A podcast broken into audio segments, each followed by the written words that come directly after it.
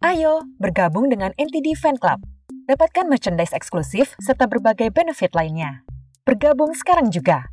Hubungi WhatsApp 0813 8080 2513. Anda sedang mendengarkan podcast NTD Kehidupan.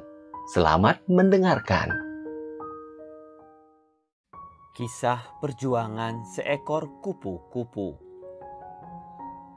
Suatu hari, seorang pria menemukan kepompong kupu-kupu.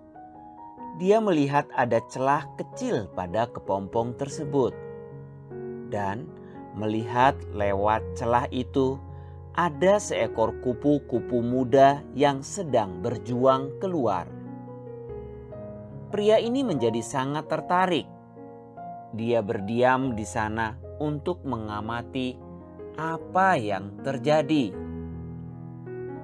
Sedikit demi sedikit, kupu-kupu muda itu berjuang keras untuk menerobos kepompong yang membungkus dirinya. Setelah beberapa jam, kupu-kupu itu tampak berhenti membuat kemajuan. Jadi, pria itu memutuskan untuk membantunya. Pria itu mengambil sebuah gunting dan memotong sisa kepompong yang masih membungkus kupu-kupu muda tersebut. Dan akhirnya kupu-kupu muda itu berhasil keluar dari kepompongnya. Setelah itu, pria tersebut menunggu untuk melihat kupu-kupu muda tersebut melebarkan sayapnya dan mulai terbang.